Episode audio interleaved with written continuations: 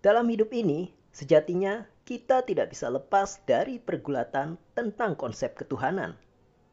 Ada yang memilih percaya akan adanya Tuhan melalui ajaran, keyakinan, atau agama tertentu. Ada juga yang sama sekali tidak percaya. Namun, di luar itu semua, ada satu pemikiran yang membelah kedua kutub yang saling bertentangan tadi. Sebuah pemikiran alternatif yang disebut dengan agnostik.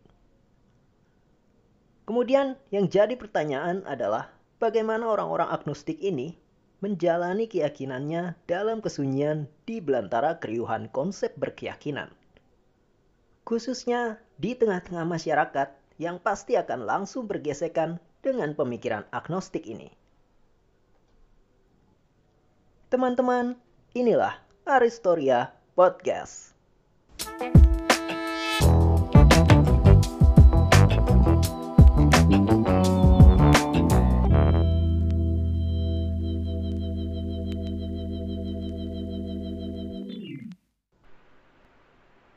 Halo teman-teman, ketemu lagi bersama gue Ari dalam Aristoria Podcast, sebuah ruang diskusi bebas. Di podcast kali ini, gue akan mengupas banyak tentang pemikiran alternatif yang dikenal dengan istilah agnostik. Mengapa gue sebut sebagai pemikiran alternatif?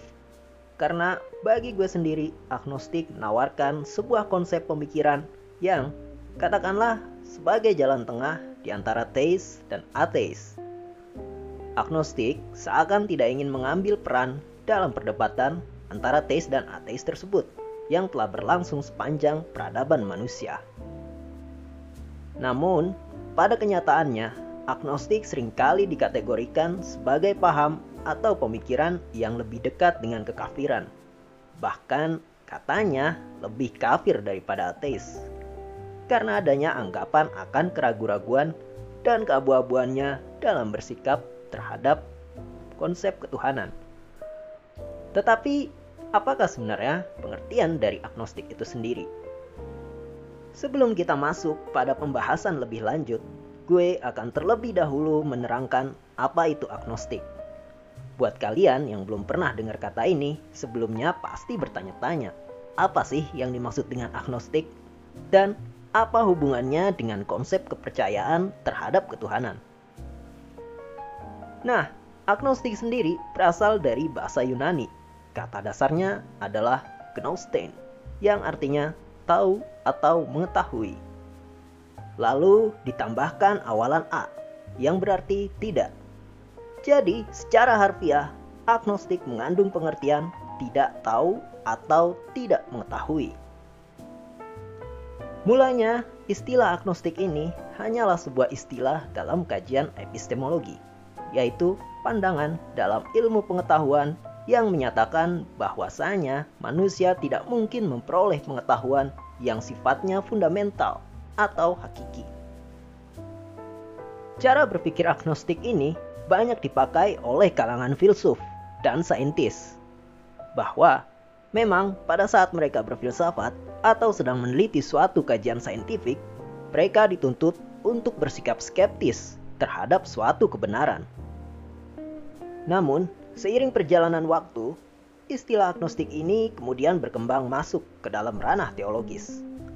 Orang pertama yang mempopulerkan kata agnostik ini dalam ranah teologi adalah Thomas Henry Huxley seorang biologis dan antropologis yang berhaluan Darwinian pada tahun 1869. Di mana di dalam teologi, maksud dari agnostik itu sendiri ialah bahwa manusia tidak mungkin memahami Tuhan. Ini gue ambil berdasarkan dari kata agnostik itu sendiri. Oke, sebelum kita semakin tersesat dengan bahasan yang licin ini, gue mau menegaskan sesuatu bahwa sebenarnya agnostik ini berbeda dengan agnostisisme. Agnostisisme, seperti yang kita tahu, apa pun kata yang ditambahkan dengan isme mengacu pada suatu ideologi tertentu, di mana ideologi itu sudah tentu bersifat rigid dan totaliter. Artinya, Jika dalam pengertian isme seakan semua sudah diatur dan menjadi tertutup bagi kemungkinan seperti sanggahan atau kritik untuk bisa masuk. Yang pada akhirnya memicu adu ideologi dan bisa berpotensi menjadi perang ideologi. Agnostik sendiri adalah sebuah sikap atau sebuah cara atau pendekatan terhadap sesuatu persoalan. Gampangnya, agnostik hanya berupa pandangan filosofis. Atau dalam pengertian lain, agnostik bisa dikatakan sebagai sikap skeptik terhadap suatu persoalan yang merujuk pada dua pengertian, yaitu pertama, tidak diketahui secara pasti ada atau tidak dan yang kedua, tidak mungkin kita bisa mengetahui secara absolut. Jadi, salah besar jika ketika ada seseorang atau suatu golongan yang berkata bahwa ia agnostik adalah mengklaim dirinya sebagai bagian dari suatu ideologi atau isme tertentu. Agnostik semata hanya pengertian terhadap suatu sikap yang sifatnya skeptis dalam hal ini skeptis terhadap perihal tentang ketuhanan. Kesalahan lainnya yang terjadi dalam pandangan masyarakat umum adalah pendapat bahwa agnostik adalah orang yang bertuhan namun tak beragama. Padahal dalam pengertiannya secara general, agnostik adalah percaya akan adanya Tuhan namun tidak mampu menjelaskan secara definitif atau secara pasti Tuhan itu apa dan bagaimana. Sebab bagaimanapun agama selalu berada dalam ranahnya iman. Dan iman seseorang tentu masalah privat yang tidak bisa ditakar maupun dikalkulasi baik oleh pengetahuan apalagi hanya melalui sebuah kata atau istilah. Agnostik bukan bagian dari ideologi, melainkan bagian dari knowledge atau pengetahuan. Untuk lebih mudahnya, gue kasih contoh seperti ini. Saudara Ari, apakah lu beriman pada Tuhan? Let's say, gue jawab yes. Gue beriman pada Tuhan. Lalu pertanyaan selanjutnya, apakah lu tahu tentang keberadaan Tuhan? Ya jelas tahu. Kan segala tentang Tuhan sudah ada dalam kitab suci. Nah, pengetahuan yang diterangkan di sini bersifat valid, artinya tidak ada keraguan dan bisa diterangkan secara definitif. Sama seperti halnya kita tahu tentang apa itu buku, apa itu pulpen, apa itu komputer, dan lain sebagainya. Kita tahu wujudnya, kita tahu secara konkret seperti apa dan bagaimana bentuknya. Tapi sekarang kita coba dengan pertanyaan ini. Menurut kalian yang sedang mendengarkan podcast ini, berapa uang yang ada di dompet gue saat ini? Jawabannya pasti kalian gak akan tahu. Atau kalian gak yakin ada berapa. Bahkan mungkin kalian hanya bisa menebak-nebak. Barangkali isinya 100 ribu, 200 ribu, sejuta atau Entahlah. Lalu gue tanya lagi sama kalian. Apakah kalian yakin gue punya uang? Kalian pasti akan jawab, ya jelas dong. Yakin gue pasti punya uang. Karena kalian tahu, gue kan kerja di sebuah perusahaan. Dan berapa kisaran gaji pegawai, kalian pasti tahu. Nah, dari situ kita bisa tarik kesimpulan Bagaimana mungkin kalian gak yakin atau bahkan gak tahu berapa uang yang gue punya, sedangkan kalian yakin gue punya uang? Itulah agnostik. Jadi, ada semacam sikap skeptis dalam pemahaman perihal ketuhanan. Namun di sisi lain, tetap meyakini bahwasanya Tuhan itu ada. Ya, gimana persisnya? Ya, kita tidak tahu karena tidak ada pengetahuan tentang itu dan tidak ada jawaban yang absolut. Lalu, apakah agnostik sama dengan ateis? Jawabannya jelas tentu berbeda. ada banyak pengandaian dan cara menjelaskan perihal ini. Namun, gue akan menjelaskan dengan mudah. Ateis sudah punya keputusan bulat bahwa Tuhan itu jelas tidak ada. Namun agnostik berada di antara teis dan ateis. Lalu timbul pertanyaan lain. Ya apa artinya kalau gitu percaya namun meragukan? Mending dicoret aja salah satu. Kan begitu. Di sinilah dibedakan cara kerja iman dan cara kerja kesadaran intelektual. Iman itu bersifat inherent, artinya sudah melekat pada diri kita. Sebagai contoh, alam ini adalah ciptaan Tuhan. Namun, apakah kita pernah melihat Tuhan menciptakan alam? Ya, jelas tidak mungkin. Jangankan Tuhan, alam saja kita tidak menyaksikannya bagaimana ia diciptakan. Lalu, mengapa kita percaya bahwa alam ini diciptakan Tuhan? Ya kan kita tahu sebab sudah dikasih tahu sama Tuhan bagaimana alam diciptakan melalui kitab suci. Di sinilah jelas bahwa dalam konteks keyakinan, alam diciptakan oleh Tuhan. Titik. Kemudian pada prosesnya kita pun yakin alam ini diciptakan oleh Tuhan karena sedari kecil kita dibesarkan oleh keyakinan tersebut. Dan kita merasakan ada cinta kasih Tuhan yang mendalam di alam raya ini kita merasakan adanya vibrasi itu meresap dalam diri kita dari waktu ke waktu. Nah, inilah cara kerja iman.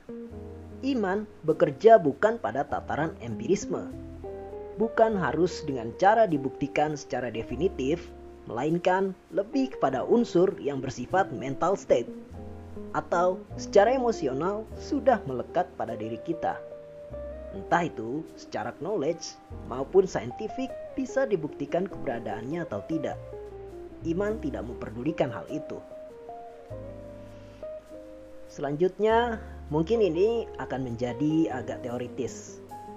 Namun, dalam pemahaman agnostik sendiri juga terbagi menjadi beberapa jenis, yaitu agnostik ateis, agnostik teis, dan agnostik pragmatis yang mana dalam agnostik ateis memiliki pandangan bahwa mereka tidak percaya pada keberadaan Tuhan, tetapi tidak bisa mengklaim apakah Tuhan itu ada atau tidak ada. Sedangkan dalam agnostik teis memiliki pandangan bahwa mereka tidak mengaku tahu konsep tentang keberadaan Tuhan, tapi percaya keberadaan Tuhan itu ada. Nah, sedang dalam agnostik pragmatis berpandangan bahwasanya tidak ada bukti apa pun yang bisa menjelaskan apakah Tuhan itu ada atau tidak. Ya, mana pun pilihannya, berbagai jenis agnostik tersebut sudah pasti merujuk pada suatu sikap yang kita kenal sebagai sikap skeptis. Dengan kata lain, agnostik bisa dikatakan semacam perkelahian antara kesadaran iman dan kesadaran intelektual. Dalam artian, sedari kecil ia dibesarkan dengan indoktrinasi keimanan bahwa Tuhan itu ada. Namun setelah besar, ia mulai berpikir dan mempertanyakan tentang Tuhan. Namun dari berbagai hal ia tidak menemukan Tuhan itu ada secara empiris. Tapi di sisi lain, dia juga tidak bisa say goodbye dengan keimanannya akan Tuhan yang sudah ia cintai sejak kecil. Di Indonesia, kebanyakan orang salah menafsirkan tentang pemahaman akan pemikiran agnostik ini. Kenapa? Sebab di negara ini, filsafat sering kali ditafsirkan sebagai falsafah dan pemikiran diterjemahkan sebagai keyakinan. Padahal sebenarnya mereka mempunyai arti dan peran masing-masing. Beriman artinya harus percaya. Barang siapa ada keraguan atasnya, maka dikatakan tidak beriman. Tidak beriman sama dengan kafir. Maka agnostik termasuk dalam kategori kafir tersebut. logikanya seperti itu. Inilah permasalahan yang sering terjadi di tengah masyarakat yang belum bisa menerima adanya pemikiran-pemikiran alternatif. Berbeda dengan di barat sana, di mana setiap orang bebas dengan pemikirannya ataupun dengan pemahamannya. Tentunya selama itu tidak mengganggu dan tidak menyebabkan kerusakan atau pembunuhan. Seharusnya tidak perlu ada pertentangan antara ateis teis, dan agnostik. Karena dalam Pancasila sendiri sudah diizinkan dan dijelaskan dalam sila kedua, kemanusiaan yang adil dan beradab, yang pada pengertiannya merujuk pada humanisme, di mana agnostik merupakan bagian dari sikap humanis itu sendiri. Nah, di Indonesia, para agnostik lebih banyak berdiam diri dalam kesunyiannya masing-masing Kendati ada juga kebanyakan dari para generasi milenial yang secara terang-terangan mencetuskan bahwa dirinya adalah agnostik. Ada yang mungkin gaya-gayaan, atau memang pada dasarnya ia orang yang skeptis terhadap persoalan ketuhanan. Namun, yang paling banyak adalah ia tidak paham apa agnostik itu sendiri. Jika memang kalian ingin menjadi seorang agnostik, alangkah baiknya memahami terlebih dahulu apa itu agnostik dan baru kemudian mengambil suatu sikap. Apakah kalian akan berjalan di jalan yang serba sunyi dan penuh ketidakpastian ini atau mengambil jalan yang terang dan sudah banyak dilalui oleh kebanyakan orang? Kemudian terakhir sebagai penutup, gue ingin mengatakan bahwa dalam birokrasi di negara Indonesia dibutuhkan suatu legalitas berupa kolom agama pada KTP untuk seseorang bisa memperoleh THR. Saya Ari Budiarsya, terima kasih sudah mendengarkan Aristoria Podcast. Semoga semua makhluk berbahagia. So, bagi kalian yang baru mendengarkan podcast ini, Aristoria Podcast adalah sebuah podcast yang membahas perihal seputar sastra, filsafat, dan budaya untuk membuka sebuah ruang diskusi atau public discourse terhadap berbagai hal, fenomena, maupun kajian atas suatu pemikiran atau karya sastra lainnya. Nah, supaya kalian gak ketinggalan informasi terbaru dari Aristoria Podcast, langsung saja follow Instagram at aristoria underscore podcast. Jangan lupa like, komen, dan share ke teman-teman maupun komunitas kalian.